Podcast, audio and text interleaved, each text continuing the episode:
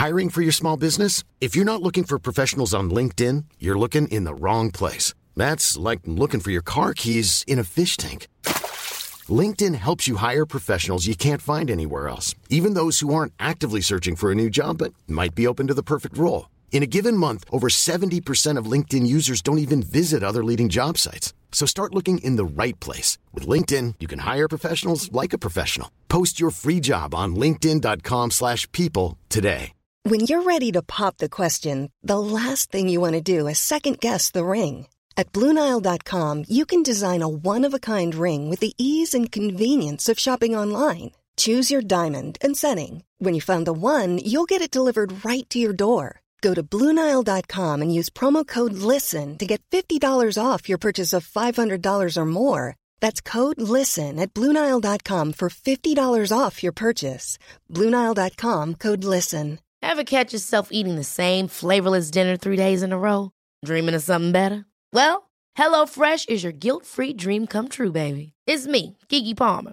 Let's wake up those taste buds with hot, juicy pecan crusted chicken or garlic butter shrimp scampi. Mm. Hello Fresh. Stop dreaming of all the delicious possibilities and dig in at HelloFresh.com.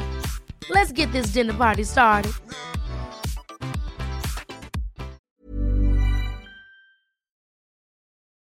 Destruktivt ledarskap. Värre än en galen chef, eller? Ja, det kan ju låta brutalt, men det behöver inte handla om ett dramatiskt beteende som syns i stunden. Idag ska vi prata om destruktivt ledarskap.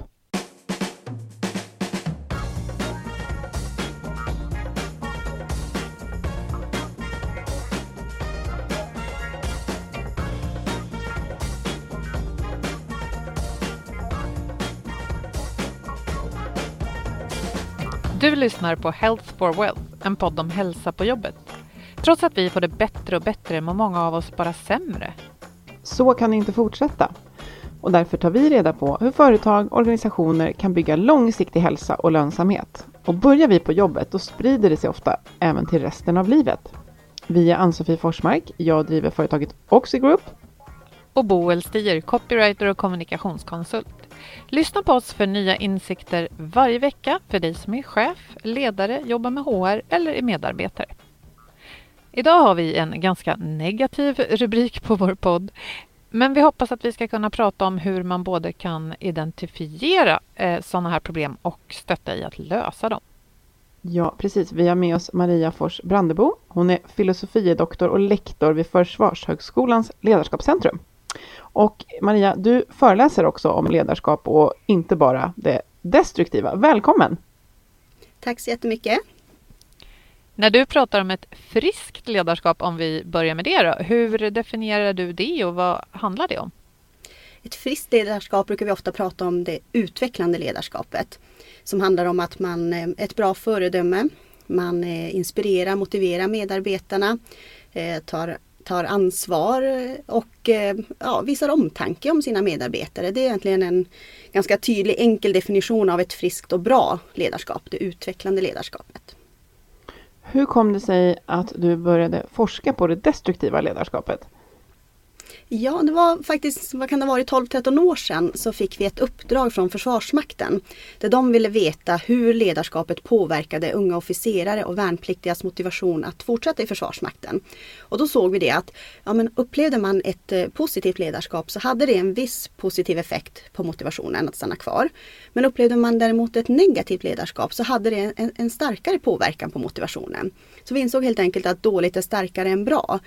Och i den här vevan så började ju forskning kring destruktivt ledarskap att ja, det blev lite mer fokus på den eh, aspekten just utifrån att det dåliga får större effekter än vad det positiva får. Så det var där våran forskning började och det här fick ju jättestort genomslag eh, runt om i världen när det gäller just ledarskapsforskning. Att man har svängt över mer. Man kan egentligen säga att det är ett paradigmskifte där man har gått från att enbart titta på, man har ju sett ledarskap som bara positiva influenser. Att man ska göra rätt saker eller göra saker rätt. Men det svängde i den vevan så att man mer och mer börjar uppmärksamma att vi måste även fokusera på vad som är dåligt för att det är så ledarskapet ser ut. Vi har inte bara positiva egenskaper, positiva influenser. Utan tittar man på relationen mellan medarbetare och, och ledare så består det av både positivt och negativt och fokuserar vi bara på det bra, det man ska göra rätt, så missar vi en väldigt viktig bit. Är, är allt ledarskap, eh, är allt negativt ledarskap destruktivt? Eller, eller är destruktivt en, en speciell genre av dåligt ledarskap om man bryter ut det så? Destruktivt ledarskap, den termen eh, etablerades ganska mycket av ett gäng forskare i Bergen i Norge som skulle vara ett paraplybegrepp för negativa aspekter av ledarskap. För det fanns ju många olika alltså inriktningar. Man tittade på toxic leadership, eh, det fanns abusive supervision till exempel. Och de här gick ju väldigt mycket in i varandra. Så att eh, de här forskarna i Norge de etablerade egentligen destructive leadership, destruktivt ledarskap som ett paraplybegrepp för att omfatta alla typer av ledarskap. Och det inkluderar såväl aktiva som passiva former. Men eh, vill du beskriva lite vad... För jag menar, jag tror många av oss som lyssnar eh, har någon gång haft en chef som inte var perfekt och det är väl tur det för, för världen är inte per perfekt. Men så kanske man också har haft en chef som man tyckte var direkt dålig och, och som kanske bidrog till att man faktiskt bytte jobb. Men dålig är ju en sak. Dålig kan kanske vara, tänker jag då, att inte ha tid för medarbetarna och det är inte alltid chefens fel. Men vad är då liksom skillnaden mellan att vara en inte så bra chef och att vara rent destruktiv? Alltså egentligen så utgår ju destruktivt ledarskap från medarbetarnas perspektiv. Så att om medarbetarna upplever ledarens beteende som hindrande eller negativt, eller på något sätt så påverkar det dem negativt, dem eller organisationen så blir det ett destruktivt ledarskap. Sen finns det olika skalor av det och det kan ju vara olika typer av beteenden som är olika negativa så att säga för olika situationer eller aspekter. Men det utgår väldigt mycket från, från medarbetarnas uppfattning om de upplever det negativt. Och det här tror jag att många ledare kan, kan ha ganska svårt att förstå för att om de inte har negativa intentioner så kan man inte riktigt förstå. För jag vill väl jag har, det är inte så att jag är till exempel narcissistisk. Jag gör det här för min egen vinnings skull, för att jag vill stå i centrum eller få status eller vad det kan vara. Utan jag har goda intentioner. Jag tror att det här är det bästa för organisationen. Jag tror att det här ska gynna medarbetarna. Men de uppfattar det inte så. Då blir det ett destruktivt ledarskap och det tror jag att många ledare kan ha svårt att alltså, acceptera på något sätt att hur kan jag vara destruktiv när jag inte vill illa? Men det, intentionen har ingen betydelse i det här fallet utan det är konsekvenserna av ledarens agerande och beteende som spelar roll. Och att det sker då upprepade gånger över tid. För alla kan såklart ha en dålig dag, man kan göra ett misstag. Men det gör inte en till en destruktiv ledare. Men sker det här upprepade gånger över tid, att man upplever beteendet som negativt, så blir det också ett destruktivt ledarskap. Vill du ge några exempel på hur ett destruktivt ledarskap kan ta sig uttryck i, i vardagen? Ja, alltså vi brukar ofta prata om aktiva och passiva former.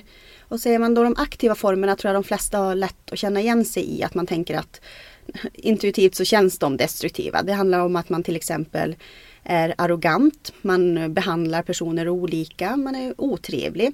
Eh, man kan också hota och bestraffa medarbetarna, man ställer orimliga krav på dem. Eller upplevs vara egocentrisk, att man, man sätter sina egna behov före gruppens eller organisationens. Man litar inte på sina medarbetare, kanske är överkontrollerande. Eller att man inte heller då, man håller inte sina löften så man går inte själv heller att lita på. Och det här är ju ganska självklart att de inte är bra i en organisation hos en ledare. Eh, däremot de passiva så tror jag att många har lite svårare att förstå eller se hos sig själv kanske. Eh, och det handlar ju om att man inte tar tag i saker. Man upplevs vara frånvarande. Eh, dålig på att strukturera och planera till exempel. Man tar inte tag i konflikter, man tar inte tag i arbetsuppgifter, man tar tag i det i sista minuten till exempel. Och det här kanske inte ledare alltid förstår att de faktiskt eh, använder sig av de här typerna av beteenden. För det kan vara ledare som upplever sig vara väldigt tillitsfulla. Man upplever att man har en självgående grupp som jobbar jättebra. Jag behövs inte, jag kan dra mig undan. Jag vet att de löser det och så kommer de till mig då om de har problem. Medan medarbetarna upplever eh, chefen som oengagerad, frånvarande. Så att det går liksom inte riktigt i linje med vad intentionen hos ledaren är. Och det är också svårare att förstå då att de här passiva faktiskt är en form av destruktivt ledarskap. Det låter som att det kräver eh, för, i första steget ganska stor självinsikt hos en ledare. Eh, vad ett destruktivt ledarskap jag tror inte att det är någon som skickas på kurs i att undvika att vara destruktiv, men det kräver hög eh, kännedom om de här faktorerna, men sen också interaktion och avstämning med medarbetarna eftersom jag kan vara i upplevelsen av att jag är tydlig till exempel, medan medarbetarna inte är det. Ja precis, det här man måste förstå effekten av sitt ledarskap. Det här som jag var inne på alldeles precis, det här med att man som ledare kan ha svårt att förstå att man upplevs destruktiv om man inte har negativa intentioner. Och då tycker jag att man ska titta mer på effekten av ens ledarskap. Det vill säga att om jag nu tycker mig vara konstruktiv och, eh, men det inte uppfattas så. Medarbetarna är missnöjda. De tycker att jag är frånvarande, oengagerad eller att jag är otrevlig eller vad det kan vara. Eh, då måste man ju titta på vad kan jag göra annorlunda då? För att de inte ska uppleva mig så här. Och jag tycker det finns ett så himla bra exempel på det här. Eh, jag har nämligen en kompis som är förskollärare som var på en föreläsning. Var en föreläsare som pratade om föräldraskap och sa det att ja, föräldrar säger ofta gång på gång så här att ja, men jag har ju sagt det här tusen gånger, jag förstår inte att mitt barn inte fattar. Och så hade föreläsaren sagt bara, ja men är det du eller barnet som inte fattar? Om du säger det tusen gånger borde du kanske säga det på ett annat sätt. Och så hade han jämfört det här med att om jag ska slå in en spik i väggen och så har jag en gaffel då till exempel. Så håller jag på att slå på den här spiken och det funkar ju inte särskilt bra. Ja men då går jag ju till verktygslådan och hämtar en hammare eh, sannolikt. Och jag tycker det går väldigt bra att applicera det här på ledarskap också. För att om jag inte får en effekt jag vill ha. Jag har missnöjda medarbetare. De upplever, jag har inte en bra relation. De har inte tillit till mig. Nej men då kanske jag behöver gå tillbaka att titta i min verktygslåda. Vad kan jag göra annorlunda för att få med dem då? För att få dem att förstå det här som jag tycker är viktigt. Just det, för man byter inte bara vägg då när man inte lyckas eh, slå in den där spiken. Nej, och... man gör ju inte det. Och det hjälper inte att skrika åt spiken heller, den kommer inte ändras i alla fall. Och, och ibland så kan det kännas väldigt orättvist för att man vet att man har goda intentioner, tankar. Man kanske har chefskollegor eller högre chef som tycker att ja, det här är helt rätt sätt att jobba på och så får man inte den respons man vill. Men att man måste ju också förstå att det här är ju medarbetarnas upplevelse och den är ju riktig för dem. Så även om jag går dit och talar om för dem att ni tänker fel så kommer inte de ändra sig. Utan hur, hur motiverar jag dem? Så att det handlar ju väldigt mycket om att alltså destruktivt ledarskap handlar ju om den här självinsikten att förstå vad är mina starka och svaga sidor? För alla ledare har ju styrkor men vi har ju också svagheter och vilka är de? Och det kan ju vara så att de bara framkommer i vissa situationer. Jag kanske blir jätteotrevlig när jag är stressad. Eller jag blir frånvarande när jag är stressad. Eller det kan också vara så att jag är frånvarande när jag har lite att göra för jag tappar lite sting i motivationen för att jag måste ha den här pressen och stressen för att prestera väldigt väl. Så att det gäller att ha självkännedom men också då att vara öppen och mottaglig för feedback och verkligen säkerställa att det jag vill förmedla eh, verkligen tas emot på det sättet som jag vill att det ska tas emot på. Så orsaken kan vara individuell, men jag tänker att forskningen kanske pekar på vissa faktorer som är återkommande som just orsaker till att en ledare hamnar i ett eh, beteende som uppfattas destruktivt. Ja, alltså dels så är det såklart att det finns personlighetsrelaterade aspekter. Man pratar framförallt om the dark triad som handlar om narcissism, psykopati och machiavellianism. Och har man den typen av personlighetsdrag så är man ju mer benägen att utöva destruktivt ledarskap. Men sen finns det också ledare som egentligen inte har en personlighetsrelaterad benägenhet. Utan som blir det på grund av omständigheter. För tittar vi på hur det ser ut på våra arbetsplatser så har ju de flesta en väldigt hög arbetsbelastning. Det är mycket stress. Och då kan man ju inte prestera optimalt heller. Det vill säga att man Eh, blir frånvarande för att man har inte tid att engagera sig lika mycket som man vill. Man har inte tid att strukturera och planera arbetet som man skulle önska. Som sagt, man kanske blir otrevlig för att man är stressad. Och det har ju egentligen kanske inte att göra med hur jag är som person och min personlighet. Utan det är omständigheterna och det här tycker jag är ganska alarmerande för att de flesta chefer, det är ganska sällan eller om ens någon gång man träffar chefer som säger ja men jag har gott om tid att utöva mitt chefskap. Jag har tid att reflektera kring mitt ledarskap och verkligen ägna mig åt medarbetarna. Så är det ju inte idag. Vilket ju också gör att organisationerna skapar ju destruktiva ledare för att vi inte ger dem rätt förutsättningar att utöva sitt ledarskap på ett konstruktivt och utvecklande sätt. Vad skulle vara eh, ditt tips om, om man är en ledare som känner igen sig i den här beskrivningen att jag försöker slå in den här spiken men väggen responderar inte eller medarbetarna, ja, jag får inte den effekt jag vill, jag upplever inte att, att man mår bra. Jag misstänker att det kan ha att göra med sånt som jag då inte gör eller gör. Eh, tror du att det är framgångsrikt om man ser på hur det funkar ute i arbetslivet att man går till sin chef och säger jag måste ha bättre förutsättningar? det är ju absolut ett steg i det. Att man försöker göra det man kan för att få rätt möjligheter och rätt förutsättningar. För känner jag som chef att jag har inte de rätta förutsättningarna. Jag har inte tid för mina medarbetare. Jag har inte tid att reflektera eh, och utföra min uppgift på det sätt jag skulle vilja. Då måste man försöka ta det ansvaret man kan. Och till exempel då vända sig till till högre chef. Men det är ju bara en del utav det. Att många gånger handlar det också om att man måste jobba inom hela organisationen med stress till exempel. Eh, medarbetare som är stressade blir ju inte heller särskilt konstruktiva. Är du stressad och då börjar du tänka mer negativt vilket också gör att ledarens beteende. Blir man irriterad på någonting så är ju också sannolikheten för att du tolkar ledarens framtida beteenden mer negativt. För att du är irriterad eller sur på ledaren. Så att man måste jobba med hela klimatet i, i organisationen där stress är en viktig eh, faktor. Eh, jag hade nyligen ledarutveckling så var det chefer som lyfte att ja, men vi säger hela tiden till våra medarbetare att dörren står öppen. Det är bara att komma in och prata om oss. Är det något problem så är det bara att vända sig hit. Eh, och sa men det är ingen som kommer. Men är det så att de medarbetarna också är stressade så kommer inte de vara konstruktiva och agera i organisationens bästa. Därför att de försöker också hålla näsan över, över vattenytan. Och då kanske det också handlar om, har de tillit till, med, eh, till chefen, till organisationen? Vad händer med det de kommer med? Är det så att man alltid agerar, eh, ger dem feedback, att det sker någonting konstruktivt med deras eh, synpunkter? Annars så tappar de tilliten, då är det ingen idé att komma. Så att, att man säger att dörren står öppen men ingen kommer är ju också en indikation på att det är något som inte fungerar, det är något vi behöver arbeta med här. Men det är som sagt, som ledare kan man ju försöka jobba med sin egen självinsikt, vara öppen för feedback, efterfråga aktivt feedback. Men det handlar också mycket om att jobba inom organisationen. Är det okej okay att lyfta den här typen av problematik? Jag gjorde nyligen en studie där jag intervjuade personer som hade varit utsatta för destruktivt ledarskap och i stort sett alla de sa det att det, det, är jättesvårt att prata om de här frågorna. Därför att eh, det är ord mot ord. Eh, man vet inte riktigt hur man ska hantera det. Det är ingenting som händer. Man går gång på gång på gång till högre chef eller till facket eller vad det kan vara. Men ingenting händer. Eh, och sen intervjuade jag några av de högsta cheferna i olika organisationer som sa att ja, men det, är problematiskt det här därför att många gånger så vågar inte medarbetare stå för vad de har upplevt. Så de kommer till högre chef och säger att Eh, det här har jag varit med om, jag vill att du gör någonting men du får inte tala om att det är jag som har sagt det här. Och hur ser ett sådant samtal då mellan högre chef och en underställd chef så då, som då kanske är destruktiv? Det är ju helt omöjligt att ha en, en diskussion om jag som högre chef inte ens har observerat det här beteendet. Men då finns det ju inte tillit till att jag inte drabbas, råkar ut negativt ut för det här om jag påtalar det här problemet. Då finns det ju inte tillit till organisationen om hur man hanterar. Så att det är många sådana delar också som handlar om hur, hur man i organisationen kan jobba med ett öppet klimat.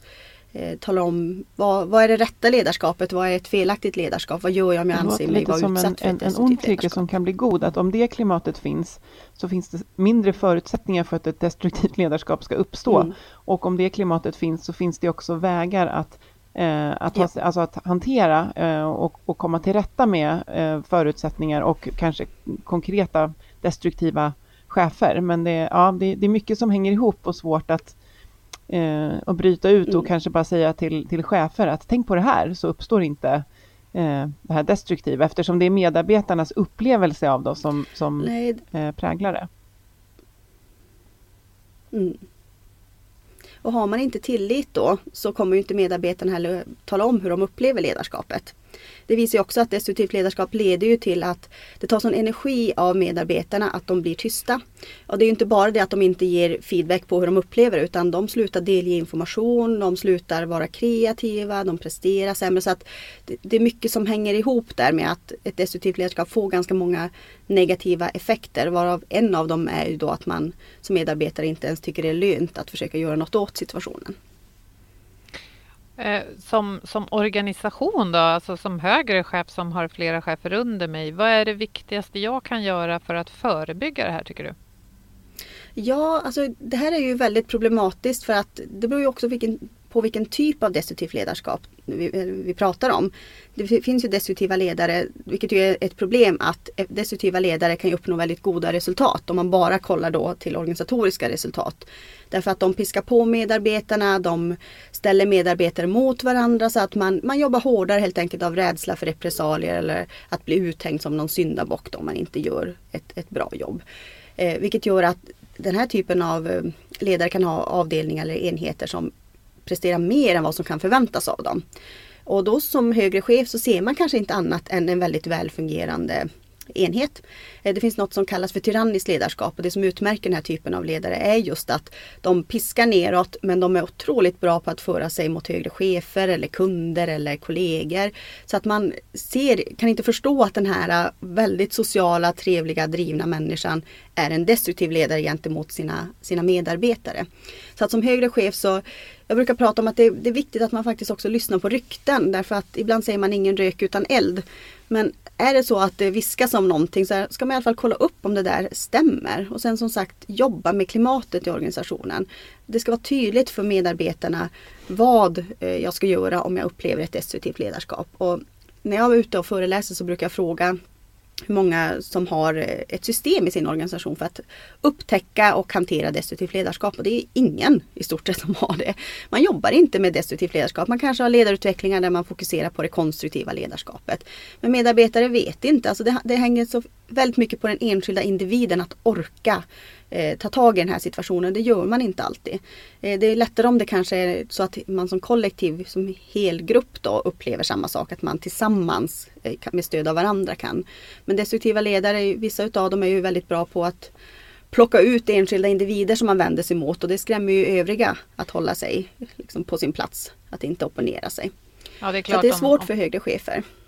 Eh, om en sån chef har skjutit sönder sammanhållningen i en grupp så det, ligger det längre bort att man sluter sig samman och eh, ja, tillsammans rapporterar till högre ort. Ja precis och det där är faktiskt väldigt spännande för att där har vi ju sett att det passiva destruktiva ledarskapet är ju mycket mer destruktivt än vad det aktiva är. Och där funderade vi mycket på vad det berodde på men eh, det vi tror är ju att när du har en aktiv destruktiv ledare så blir det lite så att gruppen sluter sig mot den yttre fienden man, man, man, ens gruppsammanhållning beror egentligen på att man hatar chefen. Eh, och det kan man ju tycka kan vara positivt att man har en stark gruppsammanhållning men den bygger på destruktiva processer vilket ju inte är positivt i det långa loppet. Men det får inte samma effekt för att du har stöd, det sociala stödet i gruppen. Och är du så att du kan jobba ganska självständigt med din arbetsuppgift, att du inte är lika beroende av ledaren, så kan det här fungera hyfsat bra ändå. Maria, du sa att, att när du frågar om man mäter eller försöker fånga upp destruktivt ledarskap så är det många som inte gör det. Och då gjorde jag reflektionen att, att det finns definitivt möjlighet att göra det utifrån att för det första så kan vi titta på um, och det här är ofta, det, det präglas ju lite av hög och lågkonjunktur, men, men personalomsättning i de grupperna kanske är extra hög. Men jag tänker också att de, många har ju medarbetar, anonyma medarbetarundersökningar. Det här gäller ju inte alla, men många har ju det här att man fångar upp anonymt hur man upplever medars eh, ledarskapet. Det kan ju också vara så att är man skrämd och rädd och hotad så vågar man inte ens i ett anonymt formulär eh, uppge de här problemen. Men att det finns ju definitivt, om man skulle vilja ta reda på det, så finns det ju sätt att göra det systematiskt. Har, har ni sett någonstans bra exempel på hur man, som du säger, inte bara fångar upp det bra, utan fångar upp de problemen som finns? Alltså problemet är att medarbetarundersökningar fokuserar ju på positiva beteenden. Och det är ju inte samma sak som destruktivt ledarskap. Så att även om du får lågt på de positiva. Så jag kan ta som exempel eh, om man mäter till exempel hur bra du är på att inspirera, motivera dina medarbetare. Du kanske inte är så bra på att inspirera, eller du kanske är bra på att inspirera och motivera. Men du är väldigt rörig, ostrukturerad. Eh, det blir en stor frustration och stress hos medarbetarna. Och det märker ju inte du i den medarbetarundersökningen. Därför att där kan ju medar- eller chefen få högt på mycket. Så det beror ju på vad man fångar. Så att de medarbetarundersökningar jag har sett, där fångar man inte in destruktivt ledarskap. Så det är en sån rekommendation jag brukar göra till organisationer när jag är ute och föreläser. Att man ska inkludera de destruktiva beteendena. Men det här är väldigt känsligt för när vi bedriver forskning och så hittar vi jätteengagerade HR-personer ofta ute på organisationerna Som säger att det här skulle vi verkligen vilja vara med. Vi skulle vilja göra en, eh, en kartläggning här hur ledarskapet uppfattas i organisationen. Men då är det alltid nästan någon högre chef som sätter stopp för det där för att det är för känsligt eller så är det inte rätt läge för att det kommer inte vara visa eh, det kommer vara missvisande för att det är det här och det här som händer i organisationen. Och, och därför måste prata om destruktivt ledarskap i termer av utveckling. Men jag vet ju ett antal kommuner, vi har ju ett eh, ledarskapskoncept som heter utvecklande ledarskap. Och där får man ju en 360 graders utvärdering av sitt ledarskap av sina medarbetare och högre chef.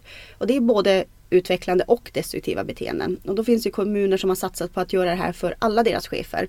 Och det är också ett sätt att få en indikation på att ja, men hur ser ledarskapet ut och den, varje enskild chef får feedback på sitt ledarskap.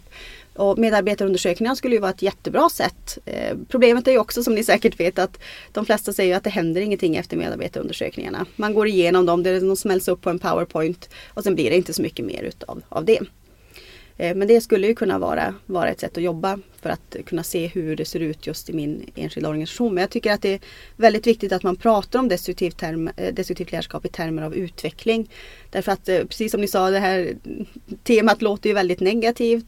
Man får vissa man tänker kanske på det här psykopatiska, narcissistiska ledarskapet men det är ju så mycket mer än så. Och jag tror att det är viktigt att vara medveten om att alla har ju negativa sidor, negativa beteenden och det är ju det här med självinsikten. Och får man inte feedback så kan man ju inte heller utvecklas. Så att man ska inte vara så rädd för att prata om det här. Och de chefer som jag tror är mest utvecklande och framgångsrika är ju de som är medvetna om sina svagheter och inte är rädd för att få negativ feedback utan ser det som en möjlighet till utveckling. För det är ju det vi gör, vi utvecklas ju konstant. Men man får inte vara rädd för det negativa och det är läskigt. Det är superläskigt att få negativ feedback på sitt ledarskap. Men man ska också se det som en chans att utvecklas och bli en bättre konstruktiv ledare det kräver ju verkligen att man bäddar för att våga ställa den, de frågorna och göra den kartläggningen så att, så att den som får tillbaka då att jag har ett destruktivt beteende har stöd och, och liksom den här tryggheten i att det betyder inte att jag är en dålig människa men jag har uppenbarligen de här beteendena. Och att jag tänker också på liksom trender i medarbetarfrågor och, och mm. så är det ju så här, det är ju så sällan, man frågar aldrig om något är utan man frågar hur bra är det här på en skala? Och så får man fånga upp det negativa i att det inte hänger borta det mest positiva. Så att det, det är klart att det sticker ut emot, precis som du säger, hur vi generellt ställer frågor i organisationen nu. Eh, så det kräver ju verkligen många av de sakerna som vi också pratar om i framgångsrika organisationer. Alltså mod och tillit, psykologisk trygghet. Så här, jag eh, har tydligen beteenden som är destruktiva, jag behöver hjälp. Alltså det är ju och snacka om att det i sig är en utveckling, att våga vara där och jobba med det som individ och som organisation och som grupp framför allt. Så att, mm. Ja, men jag förstår att det inte det är, inte, det är inte top of mind, det är inte lätt. Nej, och sen är, vi har ju tagit fram ett eh, mätinstrument som heter Destrudo L, L står för leadership, som mäter destruktiva ledarbeteenden. Eh, och då säger vi också det att det, det, vill vi att man inte bara använder för, för att mäta då de destruktiva utan i, i vårt eh, ledarskapskoncept eh, utvecklande ledarskap så använder vi både utvecklande och destruktivt ledarskap för att du ska få den här helhetsbilden. För då kan man ju samtidigt se, ja men det här är jag bra på. Eh, men det är de här bitarna jag behöver arbeta mer på.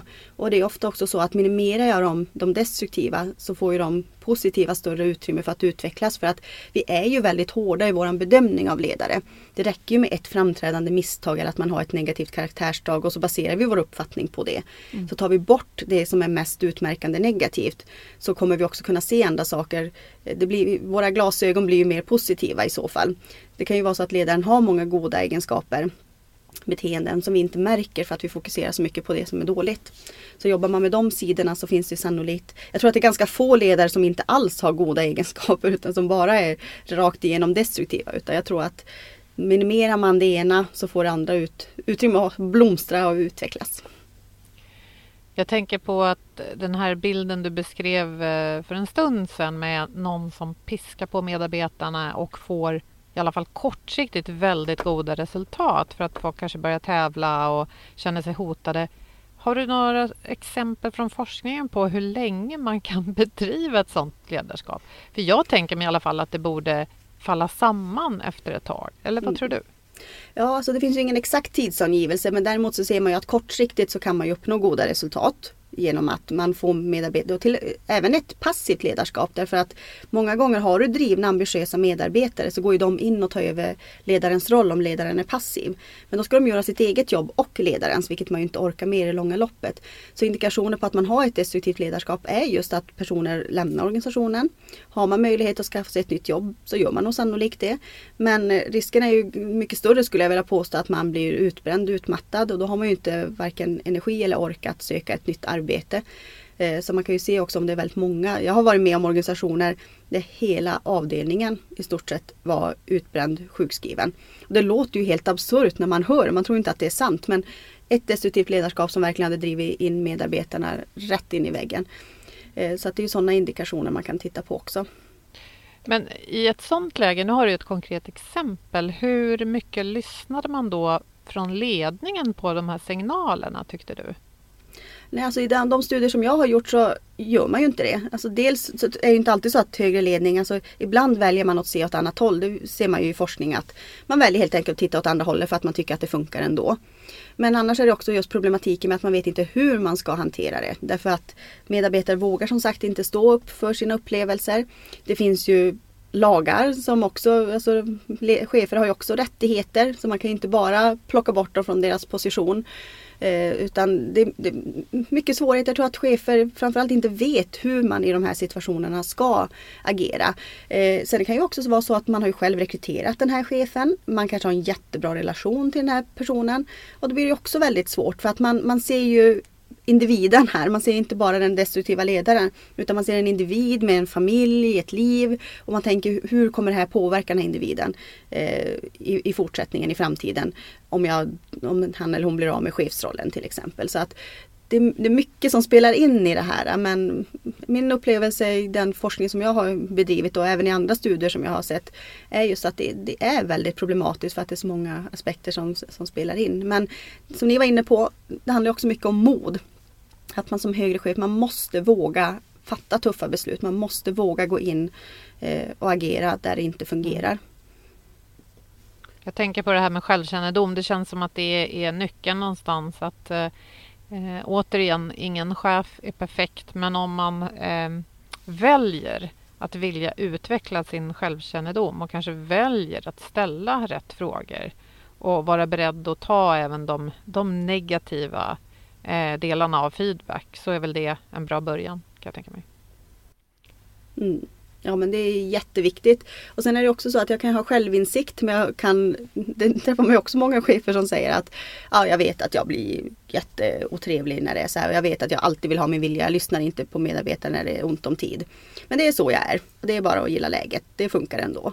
Eh, man måste ju ändå också ha en vilja att faktiskt förändras. Att titta på men vad kan jag göra av den här informationen jag får nu? På vilket sätt kan jag eh, utvecklas? På vilket sätt kan jag ändra mitt beteende? Och ibland är det kanske så att det inte är mitt beteende som behöver ändras utan det kanske är medarbetarnas uppfattning. Och som jag sa innan det här med effekten att de kanske de har sin upplevelse utav det här. Jag får inte den effekt jag vill. Då kanske det handlar om att jag måste arbeta med att Eh, utveckla deras sätt att se på saker. Ge dem mer information så att de får en större bild av vad det är jag ser som inte de ser. Men, men självinsikt handlar ju, det går ju hand i hand med en vilja och motivation att faktiskt göra saker bättre. Skulle man kunna säga att alla organisationer bör, jag tänker, jag jobbar ju en del med arbetsmiljön, liksom när man kartlägger och så tittar man på den organisatoriska och sociala arbetsmiljön. Att eh, skulle man kunna säga att man, en, en rekommendation är att alla eh, har något sätt att liksom jobba systematiskt med att eh, pro, vara proaktiv men också förebygga och också hantera destruktiva ledarskapsbeteenden för att vi kan, vi kan vara så säkra på att de finns överallt. Ja, absolut. Alltså, som sagt, när jag är ute och föreläser så brukar jag fråga om det är någon som aldrig har haft en destruktiv ledare. Och hittills har jag inte träffat Nej. på någon som säger att de bara haft konstruktiva ledare. Eh, så jag tror att en viktig aspekt är också att man faktiskt har en tydlig ledarskapspolicy. Det vill säga som anger det här ledarskapet är det vi eftersträvar i organisationen.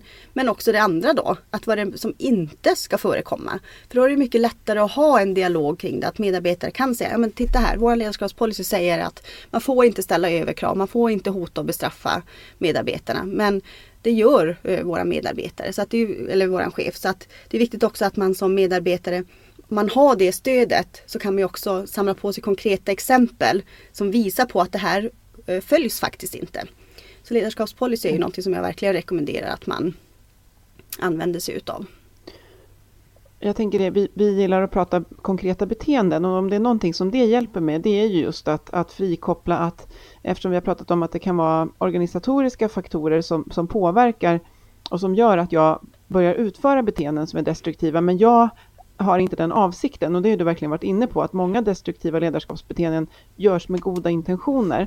Och det kan ju också göra att det blir mindre laddat att ta itu med dem, för vi kan säga att vi vet att det uppstår såna här destruktiva beteenden när till exempel vi har en pandemi eh, som vi oroar oss för eller lågkonjunktur och det frikopplar ju att jag som chef behöver känna att det har med mig och min personlighet att göra. Mm. Så det är kanske också är viktigt att just prata om att det här är ju beteenden som har olika orsaker som vi vill förebygga men vi skuldbelägger inte eh, ledarna i sig. I vissa mm. fall så kan det ju vara, som du har varit inne på, personlighetsdrag som, som jag skulle försöka utföra oavsett om jag är en välfungerande organisation. Men det är verkligen beteenden som vi kan komma till rätta med och det blir också lättare kanske mindre laddat för medarbetarna då att, att inte säga att Kalle är en dum chef, utan så här, Kalle, eh, eh, vi får inte tillräckligt mycket information från Kalle. Det beteendet behöver jobbas med, men Kalle kan vara helt okej mm. som person. Jag tänker att det kan göra att det inte känns så för det känns som ett så laddat ord, så mm. destruktivt så. Ja, det är därför vi försöker, när jag är ute och föreläser och säger att det här ska vi prata om i termer av utveckling. Därför att alla har tendenser, mer eller mindre tendenser till de här beteendena. Men det handlar ju som sagt om att man eh, blir man medveten om det så blir det inte lika läskigt att prata om dem, de delarna heller. Och jag tycker att du har ju helt rätt i, i det du säger. Så att eh, det är som sagt utveckling destruktivt ledarskap, det låter läskigt men det är någonting som finns överallt. Som jag sa så har jag inte träffat någon som inte har haft en destruktiv ledare. Och om man tänker på det på så sätt att det kan vara omständigheter, det kan vara medarbetarnas uppfattning och där tycker jag också att man kan ta till ett sånt här klassiskt eh, eh, lagutvecklingsknep där man pratar om förväntningar. För om jag som chef sätter mig ner med medarbetarna och säger men vad har ni för förväntningar på mig och vad har jag för förväntningar på er? Så kan man ju också se att är deras förväntningar orimliga det har jag varit med om jättemånga gånger när man börjar punkta upp alla de här förväntningarna som finns på varandra så inser man att ja, det finns ju ingen människa som kan möta de här förväntningarna. Mm. Ja men vad är rimligt då att vi kan förvänta oss av varandra? Ja de här sakerna är rimliga. Vi kommer överens om att det här förväntar vi oss av varandra. Och då är också det ett stöd om man upplever ett destruktivt ledarskap. För då kan man gå tillbaka eh, och säga det att men vi kom överens om att jag kunde förvänta mig att du kom med arbetsuppgifter i tid. Men nu så har det här skett gång på gång att du har kommit i sista minuten och det blir jättestressigt för mig för jag hinner inte eh, göra klart i tid. Ja, så kan chefen, ja men okej det, det har du helt rätt i men det beror på att jag har fått det här i min, i min tur då för sent uppifrån. Men jag kommer ta med det här, gå vidare och se till att jag får det i tid. Eh, så blir det inte det här negativa, destruktiva i den relationen utan man, man har en förståelse och man kan prata öppet om det. Så det tycker jag är ett ganska bra knep också att tänka på att prata om de här förväntningarna. Och sen som sagt som ni var inne på här att destruktivt ledarskap det är så mycket mer än bara jag som chef och min personlighet. Det är mycket runt omkring och jag tror att det är också när man föreläser om det här så brukar, tror jag det känns ganska skönt för chefer efteråt att det känns mer okej okay att prata om sina destruktiva beteenden när de inser att Ja men det är inte bara, en destruktiv ledare är inte en psykopat. För det är väl lite så man kanske känner att om jag erkänner att jag har destruktiva beteenden så erkänner jag att jag är psykopat. Men det är ju inte så det är.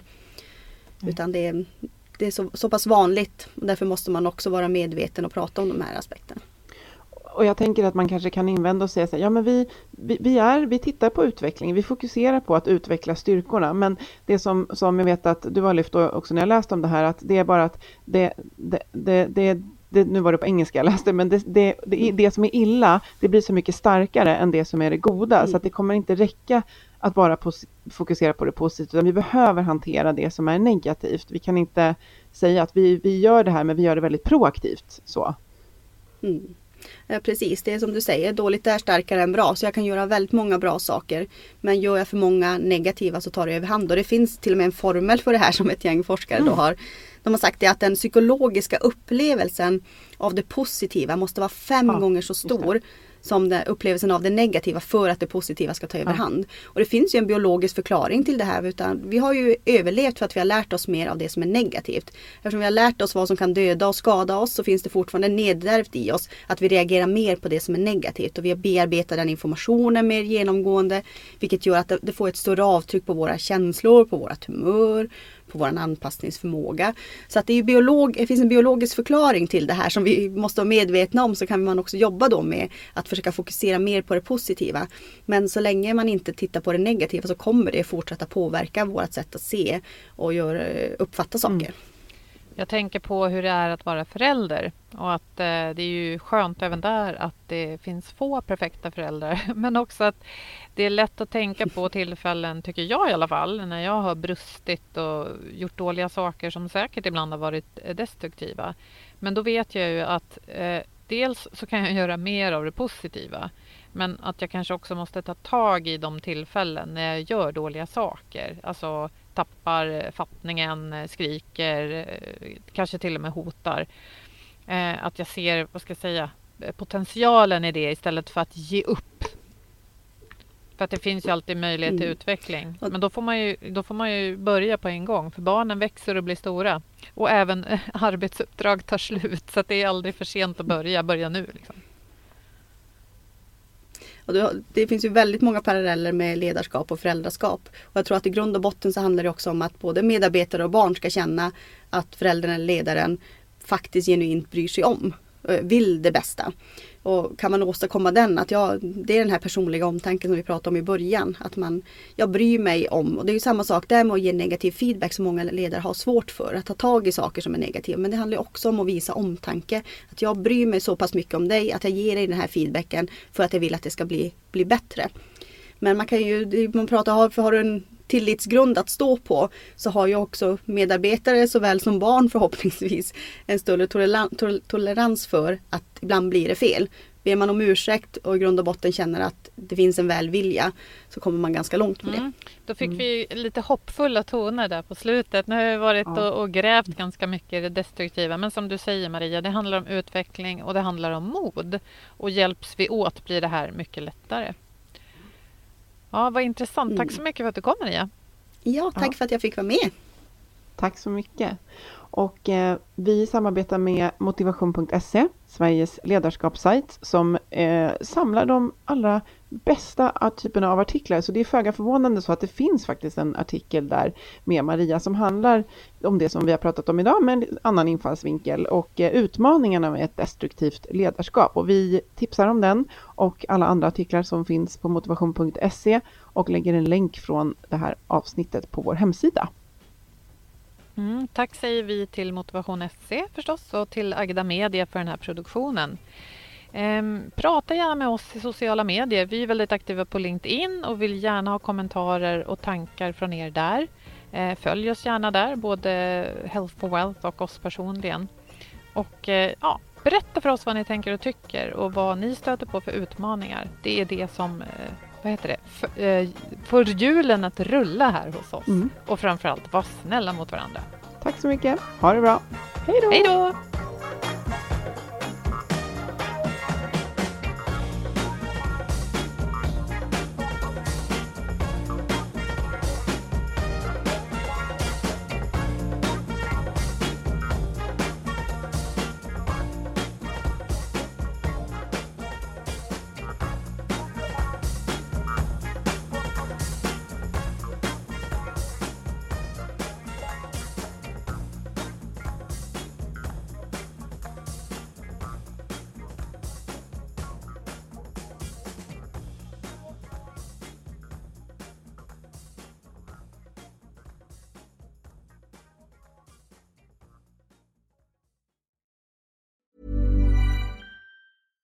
Catch yourself eating the same flavorless dinner three days in a row?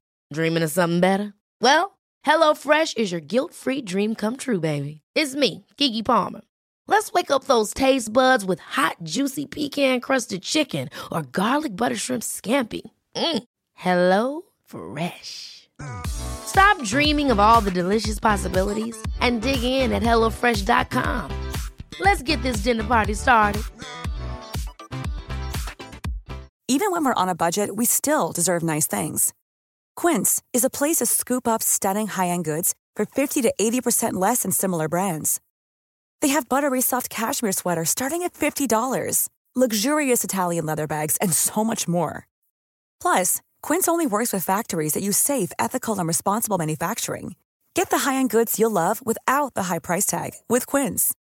Go to quince.com/style for free shipping and 365 day returns. Imagine the softest sheets you've ever felt. Now imagine them getting even softer over time. That's what you'll feel with Bowl and Branch's organic cotton sheets. In a recent customer survey, 96% replied that Bowl and Branch sheets get softer with every wash. Start getting your best night's sleep in these sheets that get softer and softer for years to come. Try their sheets with a 30-night guarantee. Plus, get 15% off your first order at bowlandbranch.com. Code BUTTERY. Exclusions apply. See site for details.